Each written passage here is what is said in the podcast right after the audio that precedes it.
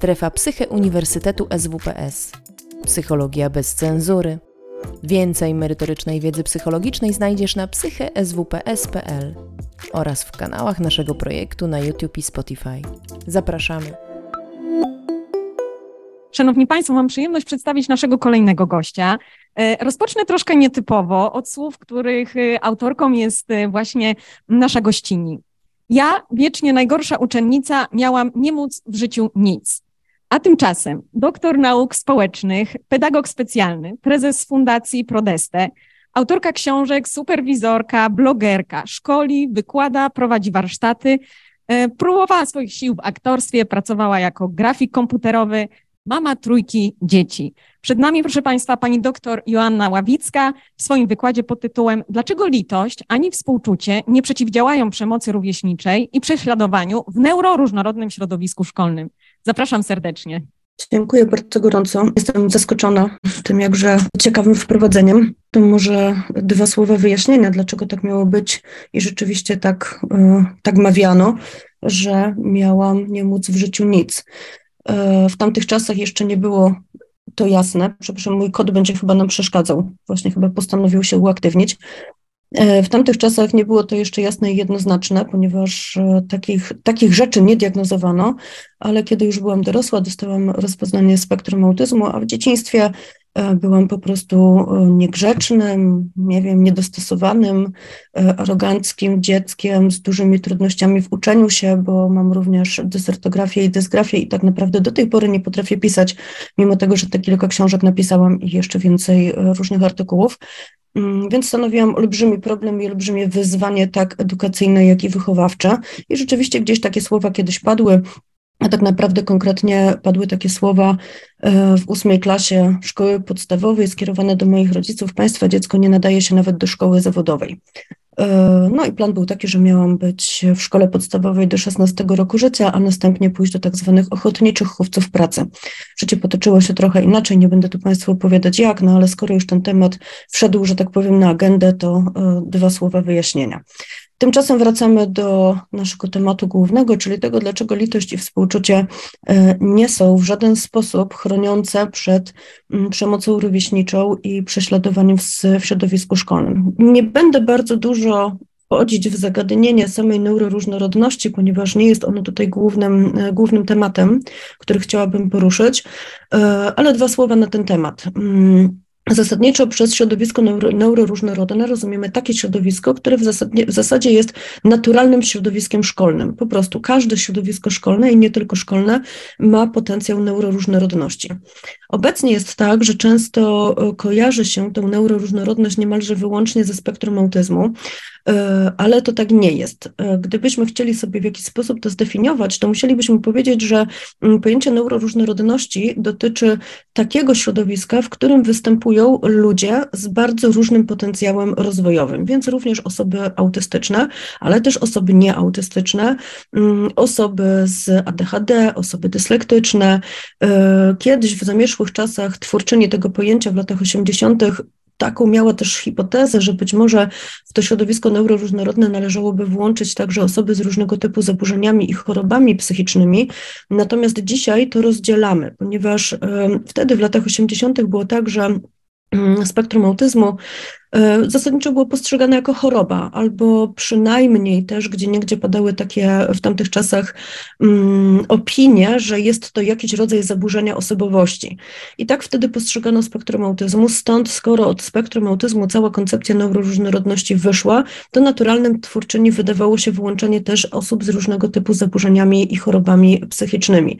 Dzisiaj Wiemy, że jest troszkę inaczej, ponieważ e, osoby, które chorują albo mają różnego typu zaburzenia psychiczne, to są osoby, które doświadczyły różnych niekorzystnych czynników w toku swojego rozwoju i ich naturalny rozwój został zakłócony a skutkiem tego są różnego typu trudności, choroby, zaburzenia. Stąd e, w samym terminie neuroróżnorodności ujmujemy raczej osoby, które mają po prostu mm, zróżnicowany potencjał różno, e, rozwojowy, tak? czyli urodziły się z różnego typu mm, właściwościami e, układu nerwowego. Stąd tak jak mówiłam, bardzo łatwo jest wyprowadzić taką prostą, prostą tezę, że praktycznie każde środowisko szkolne będzie środowiskiem neuroróżnorodnym. I my tej neuroróżnorodności nie unikniemy. Jak bardzo byśmy nie chcieli selekcjonować, nie wiem, czy Państwo chcecie, czy nie chcecie, ale często tak jest, słyszę często takie głosy, że jednak e, selekcja uczniów jest zjawiskiem ze wszechmiar wskazanym, Mm, to jakkolwiek byśmy nie chcieli bądź nie chcieli tego robić, to znaczy segregować dzieciaki na różne grupy, tak czy inaczej z jakimś poziomem neuroróżnorodności będziemy mieli do czynienia absolutnie zawsze. E, co więcej, kiedy ci uczniowie opuszczą szkoły i znajdą się w jakimś tam mm, środowisku zawodowym, to tam też będą mieli do czynienia ze środowiskiem neuroróżnorodnym. Aktualnie jest tak, że coraz bardziej, coraz częściej różnego typu, szczególnie duże firmy, wprowadzają programy tak edukacyjne, jak i adaptacyjne, uwzględniające właśnie neuroróżnorodność pracowników. I mm, ponieważ zajmuję się między innymi, tak jak tutaj we wstępie powiedziano, szkoleniami, szkole nie tylko w obrębie mm, systemu edukacji, czy mm, jako wykładowca na uczelniach wyższych, ale także pracuję bardzo dużo właśnie z korporacjami. I muszę powiedzieć, że te programy adaptacji i włączenia e, osób neuroatypowych w środowisko zawodowe są naprawdę często fantastyczne mm, i pokazują, że da się zrobić rzeczy, które tak naprawdę powinny być zrobione już na poziomie szkoły podstawowej, podstawowej, a nawet przedszkola, tylko niestety nie są robione, bo w środowiskach z kolei szkolnych często e, przeszkodą jest tak zwane nie da się. Ten nie da się jest e, bardzo częstym e, problemem. Dobra, więc już wiemy, że środowiska szkolne są neuroróżnorodne, wiemy, co to oznacza, dlaczego one są neuroróżnorodne. Chodźmy do przemocy i chodźmy do litości i współczucia. Jakiś czas temu byliśmy razem z grupą młodych dorosłych osób ze spektrum autyzmu, takich, które zasadniczo jakiegoś tam nieco większego wsparcia potrzebują na co dzień, mm, na takim wyjeździe, który sobie roboczo nazwaliśmy Asy na wczasy i tak już zostało, chociaż ja osobiście tego określenia Asy bardzo nie lubię, ale okej, okay, wyszło tak jak wyszło i w sumie jest śmiesznie. Więc z tymi naszymi asami byliśmy sobie na wczasach i dzieliliśmy budynek nasz wczasowy z obozem dla młodzieży, takiej młodzieży powiedzmy 15-18 i to był obóz sportowy. E, ponieważ wiedzieliśmy, że uczestnicy, no, uczestnicy naszego obozu mogą być zainteresowani kontaktami z uczestnikami, a w szczególności uczestniczkami tamtego obozu, e, poszliśmy porozmawiać z trenerem. I powiedzieliśmy mu, że jesteśmy tutaj z taką grupą właśnie osób autystycznych, że spora grupa tych osób to są osoby często z dość poważną niepełnosprawnością intelektualną. E, część z nich e, ma również różnego typu mm, problemy, takie czy posttraumatyczne, czy depresyjne, czy lękowe, e, więc no, to ich zachowanie może rzeczywiście zwracać na siebie uwagę, ale chcielibyśmy tutaj być może porozmawiać czy z nim, czy nawet zadeklarowałyśmy, że możemy porozmawiać z uczestnikami obozu i opowiedzieć troszeczkę więcej na ten temat, tak żeby E, tej młodzieży przybliżyć, z kim będzie ten ośrodek dzielić. Trener powiedział, że nie trzeba, wszystko jest w najlepszym porządku, on swoim e, uczestnikom przekaże. No i następnego dnia rano wychodzimy przed budynek, kawka, herbatka, te sprawy na trawie, a tam stoi w dwuszeregu zbiórka i przed dwuszeregiem stoi pan trener i do dzieci krzyczy takim, wiecie, trenerskim tonem, że w tym ośrodku spotkacie osoby autystyczne. To są osoby chore. Te osoby dużo już w życiu wycierpiały. Nie wolno tym osobom dokuczać. No i tak sobie do nich tam pokrzykiwał właśnie to, co tutaj Państwo widzicie, jest wypisane. My tak żeśmy trochę stały z koleżankami z takim lekkim uczuciem z jednej strony bezradności, z drugiej strony troszeczkę rozbawienia, a z trzeciej strony też takiego trochę. Yy, hmm, no, uznania dla tego człowieka, że podjął się w jakikolwiek sposób próby wytłumaczenia tym swoim uczestnikom, e, z kim ten ośrodek dzielić będą. Zrobił to tak, jak potrafił. Mogliśmy mu pomóc, ale no, chciał to zrobić sam, zrobił. Czy to przyniosło jakiś efekt? No, być może przyniosło nam taki efekt, że rzeczywiście przez ten tydzień, e, czy tam dwa tygodnie, już nie pamiętam, e, nie doszło do jakichś takich sytuacji, żeby którykolwiek z naszych uczestników był, nie wiem, e, napiętnowany, żeby ktokolwiek komukolwiek dokuczał, wyszydzał, ale mm, sytuacja była taka, wiecie, cały czas dość mocno napięta. Pewnie gdyby trwała dłużej i pewnie gdybyśmy gdyby tam częściej dochodziło do jakiejś interakcji między uczestnikami tych obozów, to mogłoby być bardzo różnie. My żeśmy dbali o to, żeby jednak dużo czasu na tym ośrodku nie spędzać, robić sobie różne rzeczy poza nim, bo czuliśmy, że ta atmosfera jest napięta i kiedy tamta grupa wychodzi z jadalni, a nasza grupa wchodzi do jadalni, to czuć taki duży niepokój po stronie tamtej grupy. Nasza grupa była stosunkowo wyluzowana mm, i tego napięcia z ich strony nie było, ale było bardzo wyczuwalne i takie nawet właściwie lękowe zachowanie tamtej młodzieży. E, jest to taki dosyć standard, mm, kiedy rozmawiamy z dzieciakami w różnych szkołach, w różnych, w różnych miejscach, do których jeździmy często z takimi e, warsztatami, nazwijmy to antydyskryminacyjnymi, czy po prostu pogadać o spektrum autyzmu. W przyszłym tygodniu będę mm, gdzieś tam w województwie wielkopolskim w jednej szkole z dzieciakami rozmawiać. To też często słyszymy, że te dzieci mają dokładnie takie pojęcie na temat e, swoich kolegów, którzy nie rozwijają się e, w taki sposób, powiedzmy, najbardziej typowy. I gdzieś mają bardzo dużo tego przekazu, takiego właśnie pod tytułem to są, e, oni są biedni, oni są chorzy, nie wolno im dokuczać, trzeba im współczuć, trzeba im pomagać. E, w niektórych szkołach nawet słyszeliśmy o tak fantastycznych pomysłach jak dyżurny kolega, czyli że na przykład raz w tygodniu jest wyznaczane dziecko, które będzie kolegą e, dzieci z różnego typu e, wyzwaniami rozwojowymi mm, i ci koledzy dyżurni się wymieniali, pomagając oczywiście w ramach obowiązku tym swoim kolegom z klasy. I to są dość, dość powszechne rzeczy. Niestety to w żaden sposób nie sprzyja poprawie sytuacji w klasie i zaraz Wam powiem dlaczego. E, po pierwsze, dlatego, że nam się bardzo łatwo żyje z przemocą. My nie mamy z tym najmniejszego problemu. Przemoc mamy w zasadzie wdrukowaną w naszą rzeczywistość, tak mocno wdrukowaną, że nie do końca ją w ogóle dostrzegamy. Nie dostrzegamy ich z kilku powodów. Chciałabym pokazać Wam dwa. Po pierwsze, bardzo zachęcić Was do lektury prac niejakiego profesora Hofstede, który nie ma nic absolutnie wspólnego ani z pedagogiką, ani z psychologią sensu stricte, ani tym bardziej jakąś neuroróżnorodnością.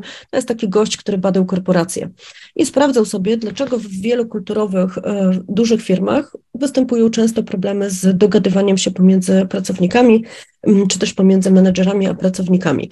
I on sobie zbadał kilka różnych wymiarów kulturowych, ustalił sobie, założył sobie taką hipotezę, że one istnieją, a następnie je zbadał odpowiednio dla różnych społeczności, dla różnych społeczeństw, y, posługując się tutaj taką kategorią narodowości. Jedno, takie, no, tych kategorii, tych wymiarów jest bardzo dużo, natomiast są takie dwie, które na potrzeby tej naszej dzisiejszej e, rozmowy są istotne, czyli wymiar dystansu władzy oraz zdolność do, inaczej akceptacja bądź unikanie niepewności. Jak widzicie, mamy tutaj całkiem sporo punktów e, nasz kraj, nasza narodowość e, w tych dwóch, w tych dwóch wymiarach. Hmm one są mierzone do 100 punktów, czyli 68 to jest sporo powyżej średniej, a 93 no to jest bardzo, bardzo dużo. Co nam te dwa wymiary mówią? Pierwszy, wymiar dystansu władzy, mówi nam o tym, że jesteśmy społeczeństwem hierarchicznym, takim społeczeństwem, które lubi hierarchię, lubi mieć jasno określone, kto tutaj rządzi, e, a nawet jeżeli nie lubi, to i tak nie potrafi funkcjonować w e, środowisku, w którym ten dystans władzy jest zmniejszony, czyli w takim środowisku, w którym mówimy o zarządzaniu poziomem.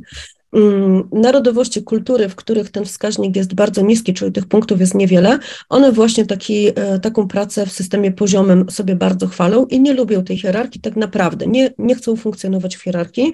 Jest im absolutnie wszystko jedno, czy e, ktoś jest, e, mm, ktoś, kto na przykład, nie wiem, pełni funkcję ich bezpośredniego przełożonego, akcentuje to, czy tego nie akcentuje.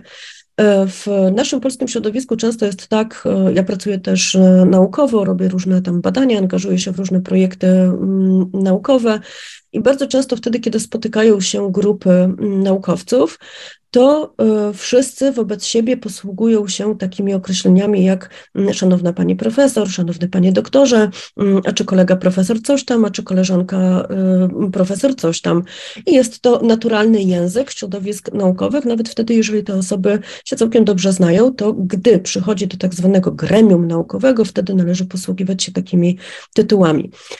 Dość często zdarza mi się również współpracować z różnymi środowiskami e, zagranicznymi i już na przykład w Wielkiej Brytanii albo w Niemczech tego nie ma. Tam ludzie posługują się zazwyczaj po prostu swoimi imionami, dość szybko odchodząc od nawet takich prostych, e, formalnych zwrotów na rzecz takich zupełnie mm, zwykłych, czyli mówimy sobie po imieniu i nie podkreślamy tych e, rzeczy, które nam ten, tą hierarchię będą budowały. E, w polskiej kulturze od małego, od wczesnego dzieciństwa jesteśmy uczeni tego, że każdy ma swoje miejsce. Jest na ten temat bardzo dużo przekazów kulturowych, tak zwanych powiedzonek, które też nam pokazują, gdzie e, jest nasze miejsce. no, począwszy od takiego już może archaicznego, ale ciągle gdzieś tam w kulturze siedzącego, jak dzieci i ryby głosu nie mają.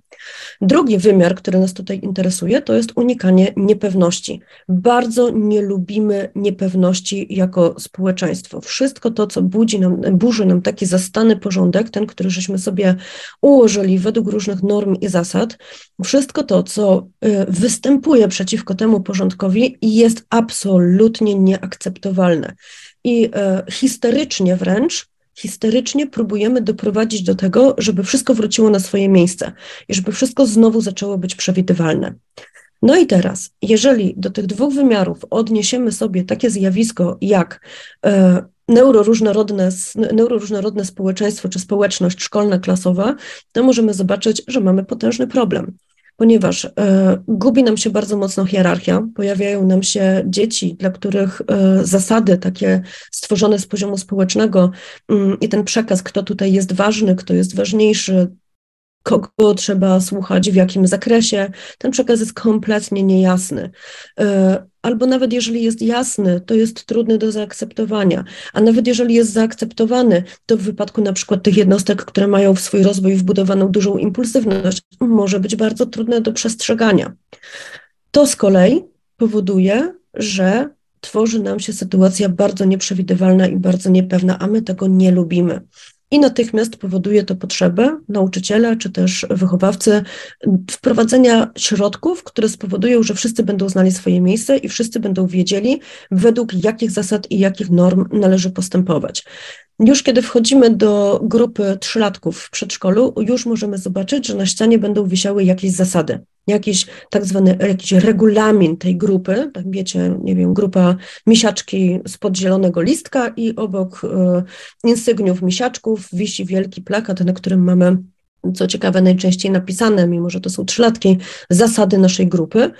E, często one są napisane z tego względu, że to w ogóle nie chodzi o to, czy te dzieci rozumieją te zasady, chodzi o to, żeby rodzice i całe otoczenie wiedziało, że te zasady są i czego my tutaj będziemy od tych dzieci wymagać i czego będziemy, co będziemy egzekwować.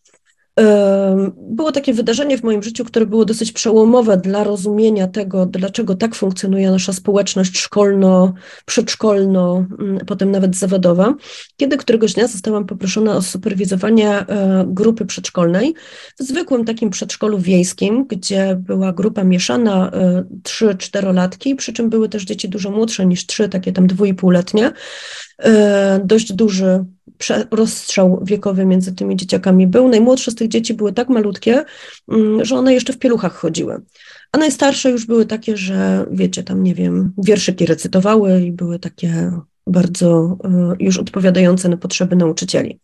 No i kiedy przyszłyśmy z koleżanką do tego przedszkola, było, trwało akurat śniadanie, zostałyśmy gdzieś tam posadzone w tej, w tej jadalni, siadłam, akurat siedziałam koło takiego małego chłopczyka i ten chłopczyk tak na mnie patrzy i mówi do mnie, proszę pani, ja nie chcę korony. Ja mówię, okej, okay, nie chcesz korony, nie wiem o co chodzi. Tak sobie myślałam, że w ogóle nie rozumiem, ale okej, okay, no nie chcesz korony, dobra, rozumiem. I on mi to powtórzył jeszcze kilka razy, nie chcę korony. Ja mówiłam, tak, rozumiem, nie chcesz korony, ale w ogóle nie wiedziałam, o co mu chodzi. Po czym po śniadaniu wróciliśmy do tej sali zajęciowej i ta sala już była przygotowana. Dookoła stały w kółeczko krzesełka mm, i w takim centralnym punkcie stało krzesło przykryte jakimś taką szmatą czerwoną, e, do któregoż to krzesełka został zaprowadzony chłopiec, który nie chciał korony. Został posadzony na to krzesełko i szybciutko włożono mu na głowę, co oczywiście koronę. Mimo tego, że mówił, że on nie chce korony, to ta korona na jego głowie wylądowała. Pozostałe dzieci zostały usadzone w kółeczku i dowiedziałyśmy się, że oto będą obchodzone urodziny młodzieńca w koronie, trzecie urodziny. E, zadaniem dzieci było podejść do solenizanta, wstać z krzesełka, podejść do solenizanta, czy tam jubilata, nie wiem, nigdy nie wiem, które jest prawidłowe, podać mu rączkę i powiedzieć wszystkiego najlepszego. Te dzieci, takie tam czteroletnie, starsze, szczególnie dziewczynki, robiły to w podskokach, jeszcze często tam wygłaszały jakąś dłuższą formułkę życzeń. I jednocześnie, co ważne, tak naprawdę w ogóle ich nie interesował ten kolega. One cały czas były wpatrzone w panią, która uśmiechnięta im przytakiwała, wykonywała takie gesty poklaskiwania i pokazywała im całą sobą, że jest bardzo zadowolona z tego, co one robią. E, były też takie dzieci, które nie bardzo wiedziały, co zrobić. Wtedy pani prowadziła je za rączkę, podawała, wyciągała swoją ręką rączkę tego dziecka do e, tego obchodzącego urodziny, mówiła powiedz wszystkiego najlepszego, dziecko mówiło wszystkiego najlepszego, pani mówiła super, świetnie, wracał na miejsce.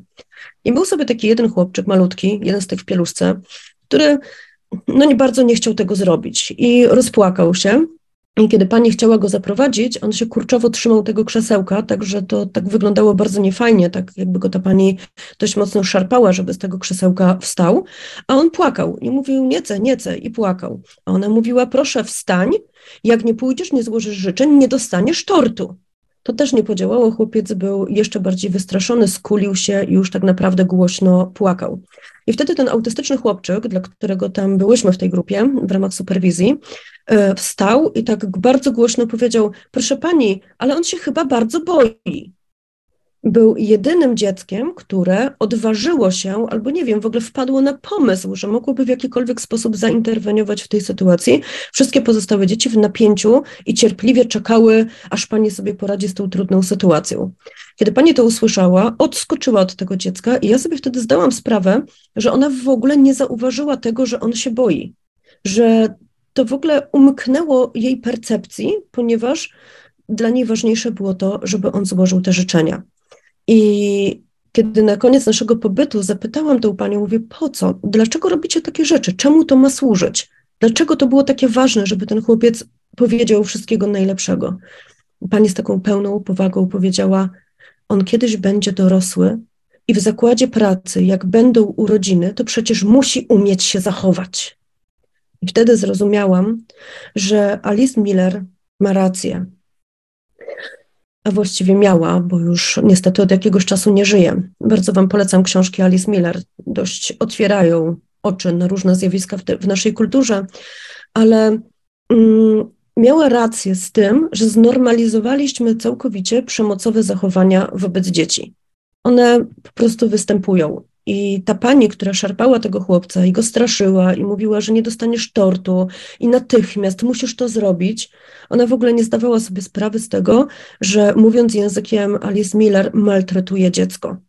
Dla nas w naszej kulturze maltretować dziecko oznacza, o mój Boże, przynajmniej sytuację zagrożenia życia.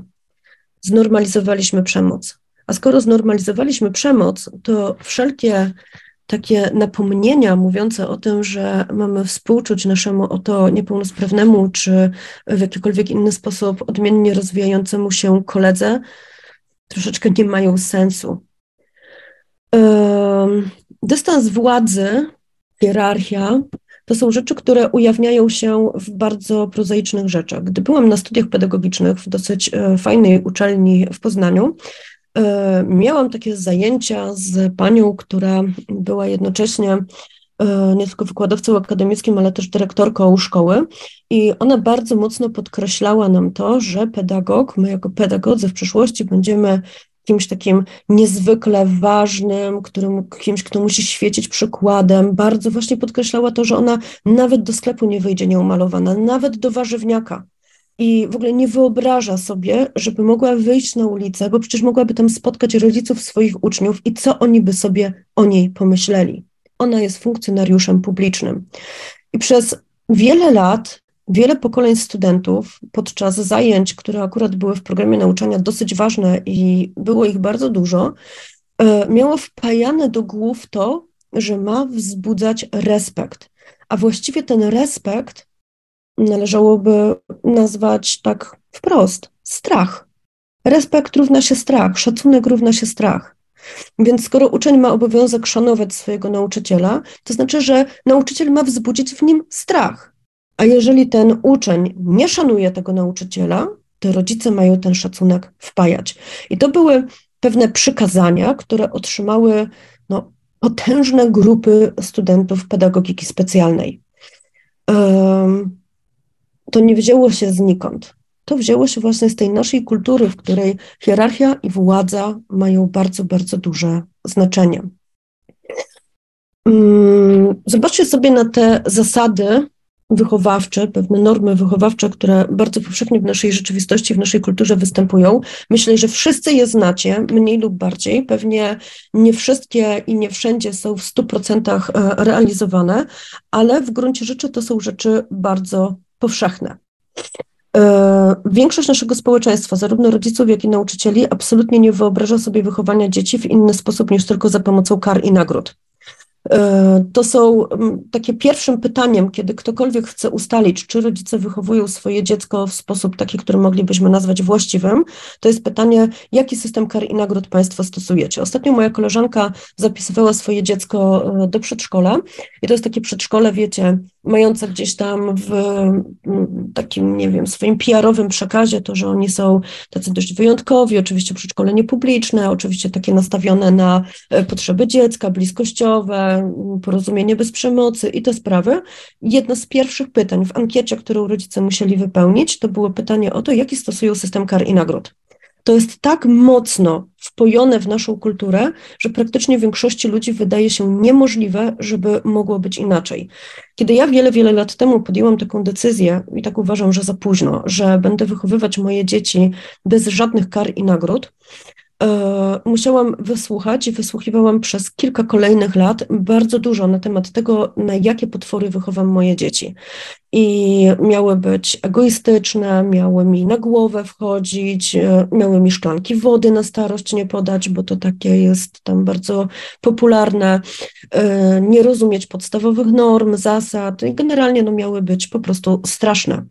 No dzisiaj mogę powiedzieć, że to się w żaden sposób nie sprawdziło. Jedno z moich dzieci jest już dorosłe, drugie jest prawie dorosłe, trzecie już jest na tyle duże, że szans na zostanie potworem, e, który nie dostrzega potrzeb innych ludzi, po prostu zwyczajnie nie ma. E, wyrosły na bardzo fajnych, wrażliwych, empatycznych, angażujących się w różne wolontariaty i aktywnych społecznie młodych ludzi. Bardzo takich pro drugiemu człowiekowi, a w żaden sposób nieegoistycznych.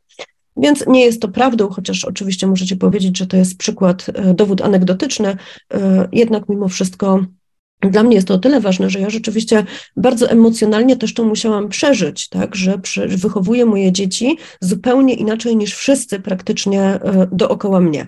Teraz ci młodsi rodzice już mają troszkę łatwiej pod tym względem, bo e, takich, e, takie postawy wobec dzieci, w których tych kar i nagród nie używamy, zaczynają być w niektórych, jak to się mówi, bańkach coraz bardziej popularne.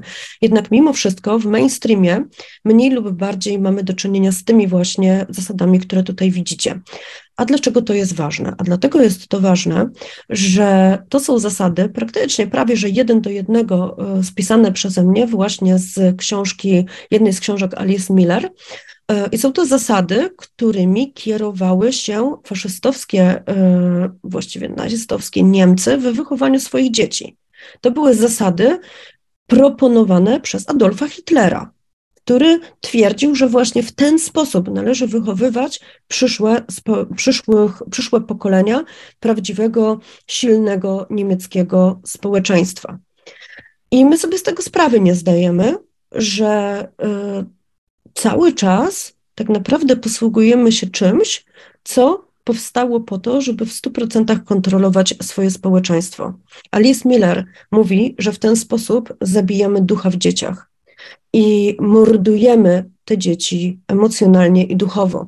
E, muszę się z tym zgodzić. Każdego dnia w zasadzie spotykam młodych ludzi, dzieci, e, które doświadczyły mm, emocjonalnego piekła albo doświadczają emocjonalnego piekła e, i których wnętrze, których natura, których duch, których serce zostało złamane przez dorosłych. E, i przez ten system, i przez tą kulturę, która mówi nam o tym, że porządek, posłuszeństwo, dyscyplina, kara, wszelkie przejawy niedostosowania należy ze wszech miar tępić. Nie wiem, czy wiecie, co się stało z Fryderykiem. Fryderyk Nietzsche, taki fantastyczny mm, filozof, przez niektórych może być kojarzony właśnie również z filozofią e, III Rzeszy, ale to tylko i wyłącznie dlatego, że kiedy Nietzsche był bardzo ciężko chory i właściwie już był osobą zależną, wymagającą opieki ze strony osób trzecich, e, w, umieszczony w zakładzie psychiatrycznym, jego siostra użyła bez jego zgody i bez jego wiedzy, jego twórczości do tego, żeby mm, no, gdzieś tam tak to nazwijmy, sprzedać PR-owi III Rzeszy. Natomiast sam Fryderyk Nietzsche nigdy tego typu y, romansów z ówczesną władzą nie miał. Otóż Fryderyk Nietzsche pochodził z bardzo takiej radykalnej, e, konserwatywnej rodziny protestanckiej. Jego tata był pastorem. I dopóki ten tata żył, to w zasadzie wszystko wskazywało na to, że Fryderyk miał całkiem fajne życie, ponieważ był w bliskich, dobrych relacjach z tatą. Ale tato dość wcześnie zmarł i wychowanie nad synem przejęły kobiety, matka, ciotki, babki, e, które narzuciły ogromny rygor i potężną taką dyscyplinę wychowawczą i emocjonalną w domu. Fryderykowi nie wolno było podnosić głosu, nie wolno było krzyczeć, nie wolno było płakać. E, musiał zawsze zachowywać e, godność, spokój, być świetnie ubrany, kulturalny itd., tak itd. Tak e, I na pozór mogłoby się wydawać, że przecież miał bardzo dobrą, troskliwą rodzinę. Kiedy już ciężko zachorował, do końca życia też opiekowała się nim później matka, był od niej całkowicie w 100% zależny. E, któregoś dnia Fryderyk spacerując w mieście zobaczył mm, konia, a właściwie zobaczył woźnicę, który bezlitośnie tłucze tego konia e, takim specjalnym batem. E, koń był, oprócz tego, że był bity, był koniem bardzo już takim w złym stanie, zagłodzonym, umęczonym, ledwo trzymającym się na nogach. Fryderyk podbiegł do tego konia, przytulił go z całej siły. Najpierw coś tam krzyknął do tego woźnicy, że nie powinien się w ten sposób zachowywać, a potem po prostu się rozszlochał i tkwił taki przytulony do szyi tego konia i bardzo gorzko płakał. I jak wspominali świadkowie tego wydarzenia, powtarzał takie słowa: O mój Boże, e, dlaczego ja to zrobiłem, dlaczego tak się stało, dlaczego ja tego nie zauważyłem i cały czas gorzko płakał. W końcu wpadł w coś, co pewnie dzisiaj moglibyśmy nazwać takim językiem nowoczesnym, coś w rodzaju shutdownu, czyli przestał reagować i bardzo opadł z sił i nigdy już od tamtej pory nie wrócił do stanu sprzed tego wydarzenia. Przestał mówić, mm, został zamknięty w specjalnej instytucji opiekuńczej dla osób psychicznie chorych.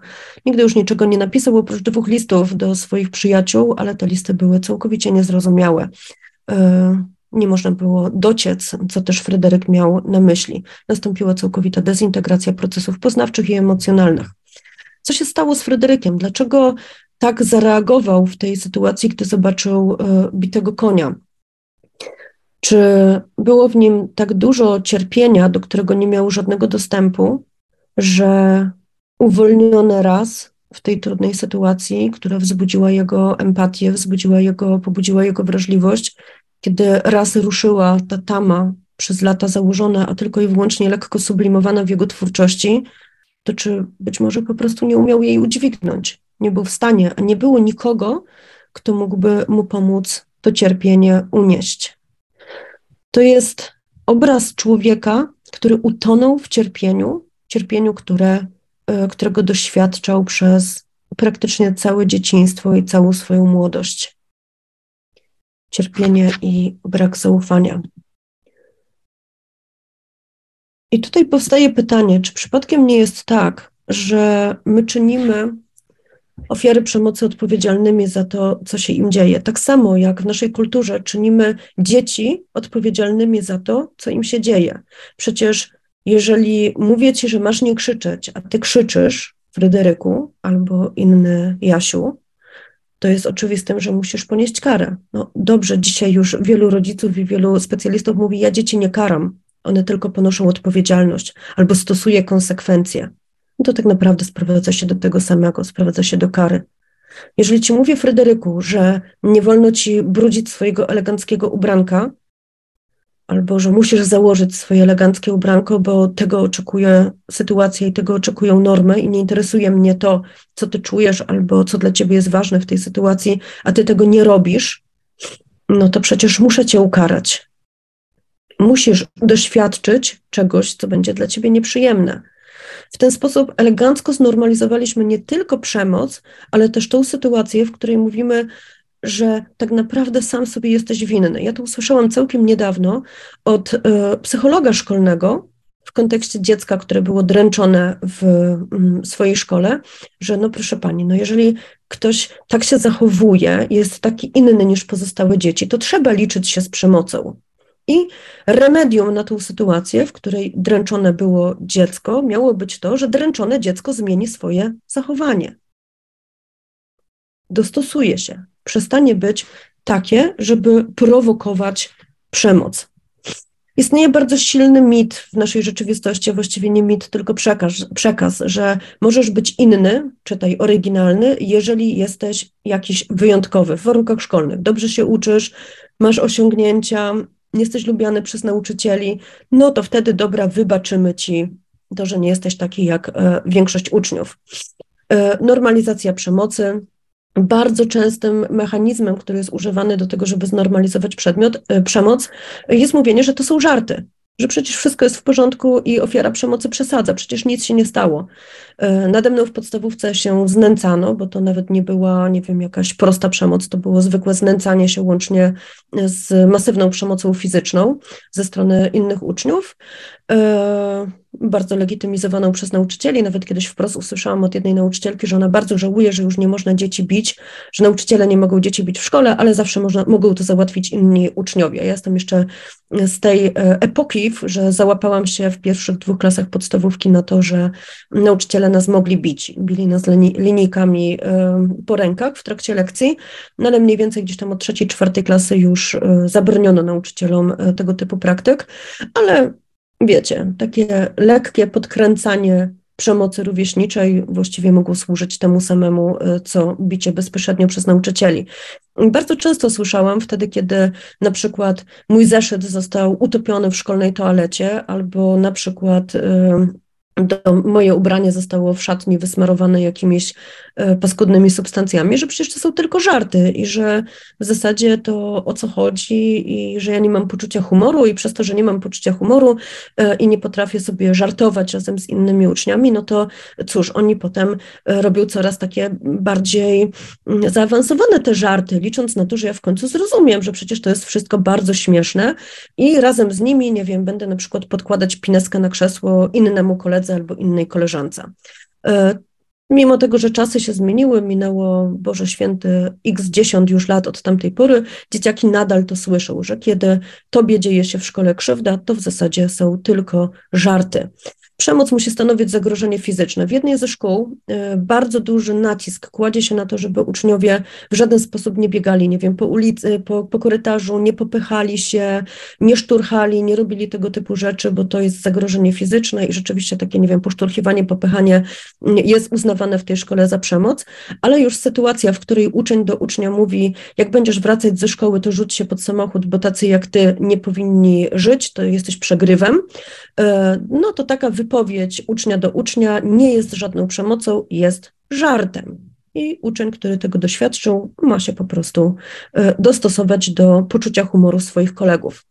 W efekcie bardzo często ofiary przemocy są wysyłane na różnego typu zajęcia, na różnego typu terapie. I pół biedy, gdyby na tych zajęciach i na tych terapiach uczyły się rozpoznawać, kiedy ktoś stosuje wobec nich przemoc. Pół biedy, gdyby na tych terapiach pracowano z nimi nad traumą, której doświadczyły w wyniku e, przemocy doświadczanej w szkole, ale niestety w większości wypadków jest tak, że nikogo nie interesują uczucia dzieci doświadczających przemocy.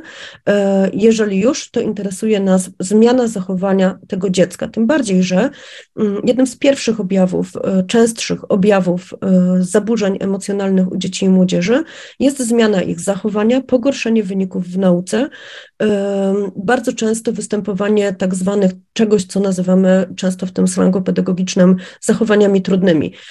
I dziecko, które prezentuje nam taki profil, na przykład uczyło się bardzo dobrze, nagle przestało się uczyć, zaczęło być agresywne, zaczęło być e, autoagresywne, e, zaczęło unikać chodzenia do szkoły, uciekać z lekcji. To są bardzo często dzieci, mm, których zachowanie otoczenie próbuje zmienić, kompletnie nie zastanawiając się nad tym, dlaczego do tej sytuacji doszło. Bo gdybyśmy się musieli nad tym zastanowić, to okazałoby się, że musielibyśmy zakwestionować filozofię świetnych żartów, e, filozofię niewinnego dokuczania, filozofię, e, no nic się nie stało, no przecież nie przesadzajmy. Dopóki ktoś kogoś nie tłucze, to w zasadzie nie ma problemu. Zwróćcie uwagę, że dokładnie to samo jest w Polsce z przemocą wobec dzieci w rodzinie. Dopóki nie dochodzi do sytuacji skrajnych, takich w których na, zagrożone jest bezpieczeństwo fizyczne i życie dziecka, dopóty w zasadzie nie ma mowy o przemocy wobec dzieci. I takie sytuacje jak, e, nie wiem, mówienie do, dzieci, do dziecka na przykład mm, z ciebie nic nie będzie, no, są zupełnie normalnymi, że tak powiem, środkami wychowawczymi w naszej polskiej rzeczywistości. I to się przekłada absolutnie na funkcjonowanie w szkole. E, kolejnym argumentem za tym, skąd się bierze przemoc szkolna, ma być to, że dzieci są za bardzo uwikłane w, współczesne media. E, wszędzie, na każdym kroku możemy przeczytać w, polskich, w polskim piśmiennictwie, że te wszystkie ekrany, media źle wpływają na dzieci, na ich rozwój, zaburzają kontakty rówieśnicze, no i najważniejsze, powodują lęki, fobie i okrucieństwo. E, nie mam zielonego pojęcia, w jaki sposób, poza prostą korelacją, która jest błędem z punktu widzenia metodologii badań naukowych, można udowodnić, że oglądanie albo granie czegokolwiek może wpłynąć na powstanie u dzieci e, fobii i okrucieństwa. Ok, może być taka korelacja, czyli możemy zauważyć, że dzieci, które często poświęcają czas na przykład na granie w brutalne gry, są dziećmi, są częściej dziećmi okrutnymi niż te dzieci, które tego nie robią. Natomiast tu nie ma żadnego związku przyczynowo-skutkowego to jest korelacja dokładnie taka sama, jak nie wiem, na przykład stwierdzenie, że dzieci, które częściej e, wychodzą, mm, nie wiem, na podwórko, e, częściej chorują na grypę. Tak? No to Tutaj związku przyczynowo-skutkowego też jednoznacznego nie ma, chociaż na pewno i tak większe niż z tymi, niż z tymi ekranami. Gdybyśmy weszli w to głębiej, to pewnie musielibyśmy zauważyć, że te dzieci, które z zamiłowaniem oddają się na przykład okrutnym y, grom komputerowym, prawdopodobnie jakieś swoje potrzeby emocjonalne w ten sposób zaspokajają i coś sobie regulują, ale to by wymagało od nas troszkę więcej wysiłku. Tymczasem na szczęście świat nie kończy się na Polsce i nie kończy się na naszych e, przekonaniach. I w Wielkiej Brytanii przeprowadzono bardzo duże badania, jak widzicie, na grupie około 2000 dzieci i ich rodziców z pokolenia tak zwanego alfa, czyli dzieciaków w tym wypadku, w wypadku tego badania, urodzonych e, od 2010 roku. E, pewnie to pokolenie alfa możemy sobie różnie definiować, ale to naprawdę nie jest ważne. Oni sobie przyjęli taką granicę, to są dzieci urodzone po 2010 roku, które, jak to się mówi, już urodziły się w sieci, mają dostęp do internetu i do współczesnych mediów niemalże od urodzenia. I te badania pokazują nam coś zgoła innego. Przede wszystkim zaskakujące dla badaczy było to, że zdecydowanie więcej czasu spędzają z rówieśnikami także poza domem, e, a wpłynęło na to to, że mają dostęp do mobilnych urządzeń i one sobie po prostu zabierają swój telefonik do kieszeni, a następnie idą z kolegami gdzieś tam na dwór. E, wcześniejsze pokolenie korzystało z mediów w taki sposób, że w dużym pokoju był jeden rodzinny komputer i jak chciałeś sobie, nie wiem, pograć czy coś pooglądać, to po pierwsze musiałeś wynegocjować sobie czas, po drugie musiałeś czyhać, kiedy ewentualnie będziesz mógł poza tym swoim czasem się do tego komputera dorwać, a po trzecie wszyscy widzieli, co robisz. Nie było absolutnie tutaj żadnego jakiegoś takiego, e, żadnej prywatności w, tych, w tym, co robisz co też przekłada się na to, że współczesne dzieci mają dużo więcej kontaktów z rówieśnikami także przez internet. I znowu, e, w naszym polskim przekonaniu jest tak, że te kontakty przez internet są kontaktami kompletnie nieistotnymi, że to nie jest to samo, co kontakty e, na co dzień i dzieci bardzo często doświadczają lekceważenia ze strony dorosłych tego typu kontaktów rówieśniczych, podczas gdy z ich punktu widzenia, czy nam się to podoba, czy nie, kontakty rówieśnicze przez internet są kontaktami równoprawnymi z tymi, które są zawierane na przykład, nie wiem, na korytarzu szkolnym. Polecam Wam te badania, bo nie będę Wam ich streszczać, tam jest strasznie dużo różnego materiału. W tym momencie nas najbardziej interesuje to, że te dzieci mają dużo wyższą niezależność od norm kulturowych i krytycyzm wobec zastanych norm i zasad mm, niż dzieci ze wcześniejszego pokolenia. Bierze się to przede wszystkim z tego, że one mają dzięki tym mediom dostęp do wiedzy o tym, że to, co przeżywają w swoich rodzinach, w swoich szkołach, e, w relacjach z innymi ważnymi dorosłymi, nie jest jedynym obowiązującym modelem na świecie świecie. Kiedy ja byłam dzieckiem, to na tym słynnym, gloryfikowanym przez bardzo wielu współczesnych dorosłych PRL-owskim podwórku e, dzieci rozmawiały na takie tematy, jak na przykład czym jesteś w domu bity. I to było zupełnie normalne, tak? Dzieci między sobą wymieniały tego typu doświadczenia. Mnie biją pasem, a ja dostaję kapciem, a ja kablem od prodiża, e, o liderem podwórka został ten, który obrywał plastikową szablą i, i to były totalnie normalne rozmowy. Niby te dzieciaki wiedziały o tym, że bicie jest niefajne i one wcale nie chciały być bite, ale ponieważ wszystkie były bite, to było to traktowane jako coś kompletnie normalnego. Dzisiaj dzieci oglądając, nie wiem, seriale na Netflixie, mogą sobie szybciutko zdać sprawę z tego, że e, można inaczej, że można do dzieci podchodzić z szacunkiem, że można dzieci, o dzieci się troszczyć, że można im mówić, że się je kocha, że mm, można brać pod uwagę ich potrzeby i to powoduje olbrzymi, bardzo duży wewnętrzny konflikt w tych dzieciach, taki z poziomu absolutnie psychodynamicznego, psychoterapeutycznego.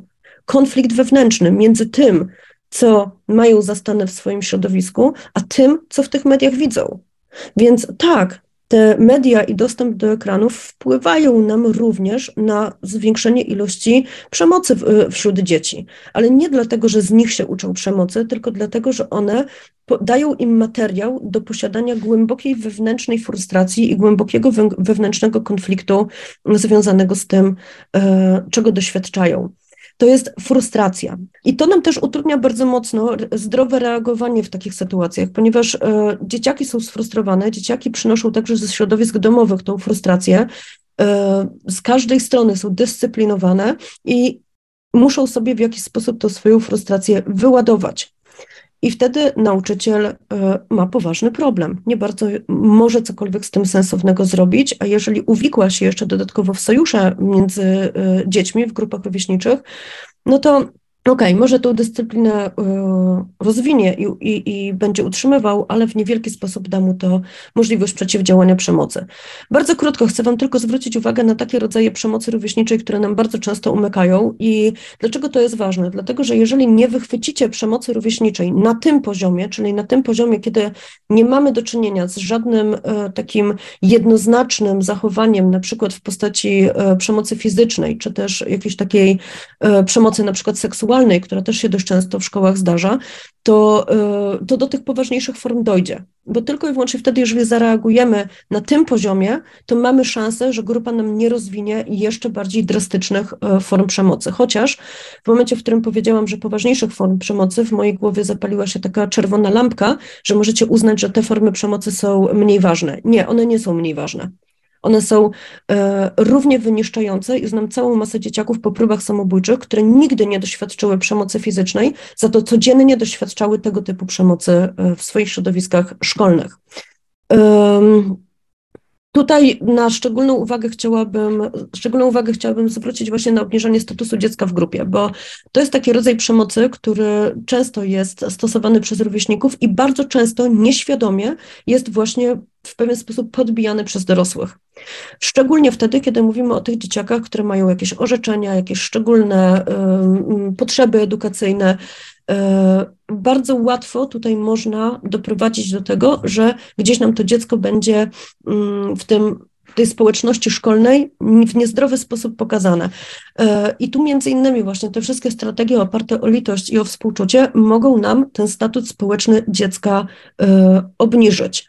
Jeżeli muszę się nad kimś litować, jeżeli muszę komuś współczuć, jeżeli muszę akceptować to, że dzieje mi się coś na przykład nieprzyjemnego z uwagi na obecność tego dziecka w mojej społeczności szkolnej, a ode mnie wymagają, żebym ja to akceptował, akceptowała, to automatycznie status tego drugiego dziecka jest niski. E, I to jest taka forma przemocy, która dość często niestety występuje. O żartach już mówiłam, wspaniałych. E, również częstą, częstą formą przemocy jest robienie różnego typu zdjęć, e, publikowanie tych zdjęć, czy tam jakichś karykatur, rysunków. Wiecie, jak myśmy byli dziećmi, mówię tutaj o ludziach z mojego pokolenia, to takie rzeczy też się działy, tylko one się działy bez udziału urządzeń i internetu, ale wiecie, E, podejrzewam, że gdybym e, miała dostęp do wszystkich e, często bardzo obrzydliwych karykatur, które na mój temat powstawały w szkole podstawowej, to mogłabym Wam teraz całkiem niezłą wystawę zrobić. Było tego naprawdę bardzo dużo i niezwykle często były takie sytuacje, że ktoś coś rysował albo rysował i pisał takiego nieprzyjemnego na mój temat, puszczał po klasie. Wiecie, jak to dzieciaki z podławki wyjmowały liścik, coś tam na przykład swojego dopisywały i takie różne tego typu historie gdzieś tam krążyły. Dzisiaj dzieje się dokładnie to samo, tylko dzieje się w internecie. E, dzieje się często publicznie i dzieje się często tak, że nikt o tym nie wie.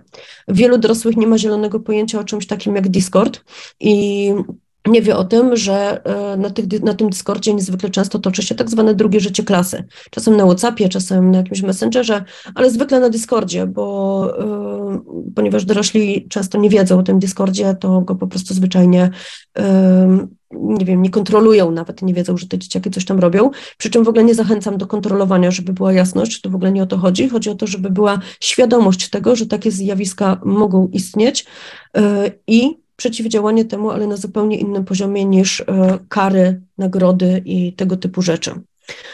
A zatem, jakie zachowania wspierają? Mm, przede wszystkim takie nasze typowo kulturowe. My nie potrafimy w sytuacji, w której dojdzie do, jakiego, do czegoś trudnego między dziećmi, działać inaczej niż z poziomu winy i znowu kary. E, niezwykle często na różnych internetowych forach pedagogicznych pojawiają się takie mm, właśnie wpisy dotyczące tego, że w mojej klasie doszło do takiej takiej przemocowej sytuacji, co mam robić.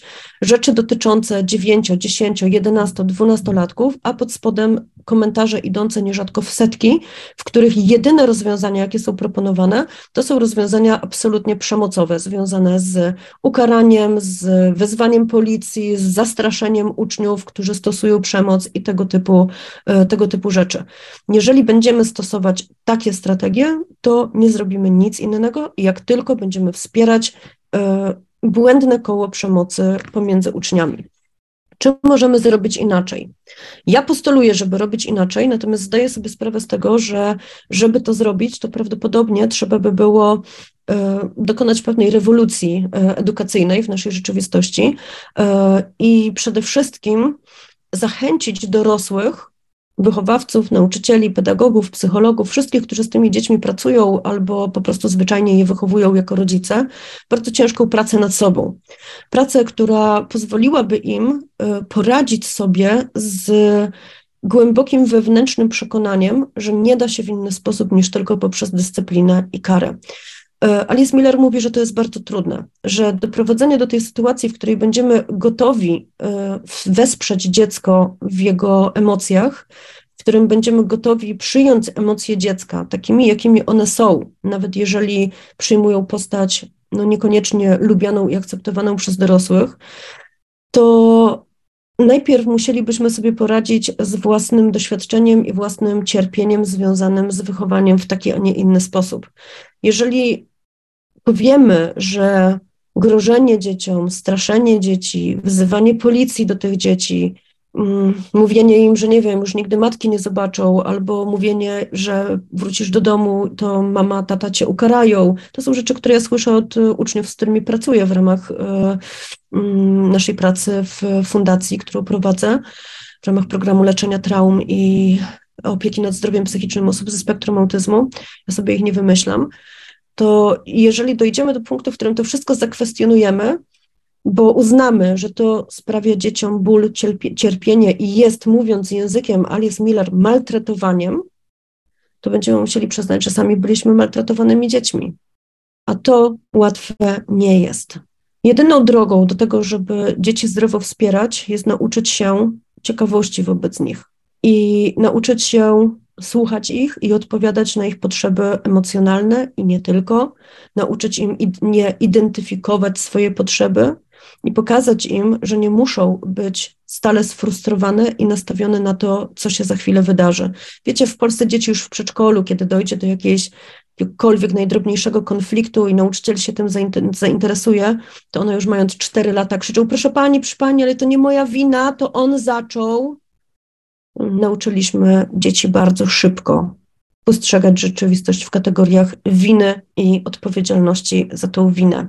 To, co tutaj widzicie, to nie są e, moje wymysły. To nie są rzeczy, które ja sobie wyssałam z palca w tym naszym tutaj prowincjonalnym w skali światowej Wrocławiu. To nie jest coś, co powstało w wyniku nie wiem, moich osobistych li tylko przemyśleń, tylko to jest coś, co tak naprawdę znajdziecie w bardzo, bardzo wielu źródłach e, w całej historii pedagogiki i psychologii rozwoju człowieka. Tylko zepchnęliśmy to na margines, ponieważ w naszej kulturze łatwiej i bardziej naturalnie jest dzieci dyscyplinować, a wtedy, kiedy chcielibyśmy je na coś uwrażliwić, to fundować im patrzenie na świat przez pryzmat litości i współczucia. żebyśmy mogli naprawdę przeciwdziałać przemocy, to musielibyśmy zasadę litości i współczucia zastosować każdy do siebie z osobna i współczuć temu małemu dziecku, którym żeśmy byli kiedyś tam dawno w przeszłości i które tych wszystkich restrykcyjnych i dyscyplinujących strategii zaznało i którego emocje i wrażliwość na cierpienie dziecka musiały zostać pogrzebane, bo inaczej nie przetrwalibyśmy własnego dzieciństwa. A to łatwe nie jest. Dziękuję bardzo gorąco, bardzo serdecznie mm, za zaproszenie, za wysłuchanie. E, zapraszam na różnego typu wydarzenia, które organizujemy w Fundacji Prodeste, szkolenia, warsztaty, również dla nauczycieli, dla studentów, otwarte praktycznie dla, e, dla wszystkich. I tyle. Dziękuję Państwu bardzo, bardzo gorąco. Dziękuję również wszystkim moim patronom z Patronite, e, dzięki którym między innymi mogę brać udział e, w tego typu wydarzeniach, a jeżeli ktoś z Państwa chciałby dołączyć do tego zacnego grona, to zapraszam właśnie na Patronite. Pani Anno, my też bardzo mocno dziękujemy w imieniu Koła Naukowego za ten jakże autentyczny i pełen wrażliwości, a czasami przerażający wykład. E, było sporo pytań do Pani. Możemy tylko jedno, e, z jednego pytania, że tak powiem, skorzystamy, żeby też nie zostawić naszych słuchaczy tak samych sobie.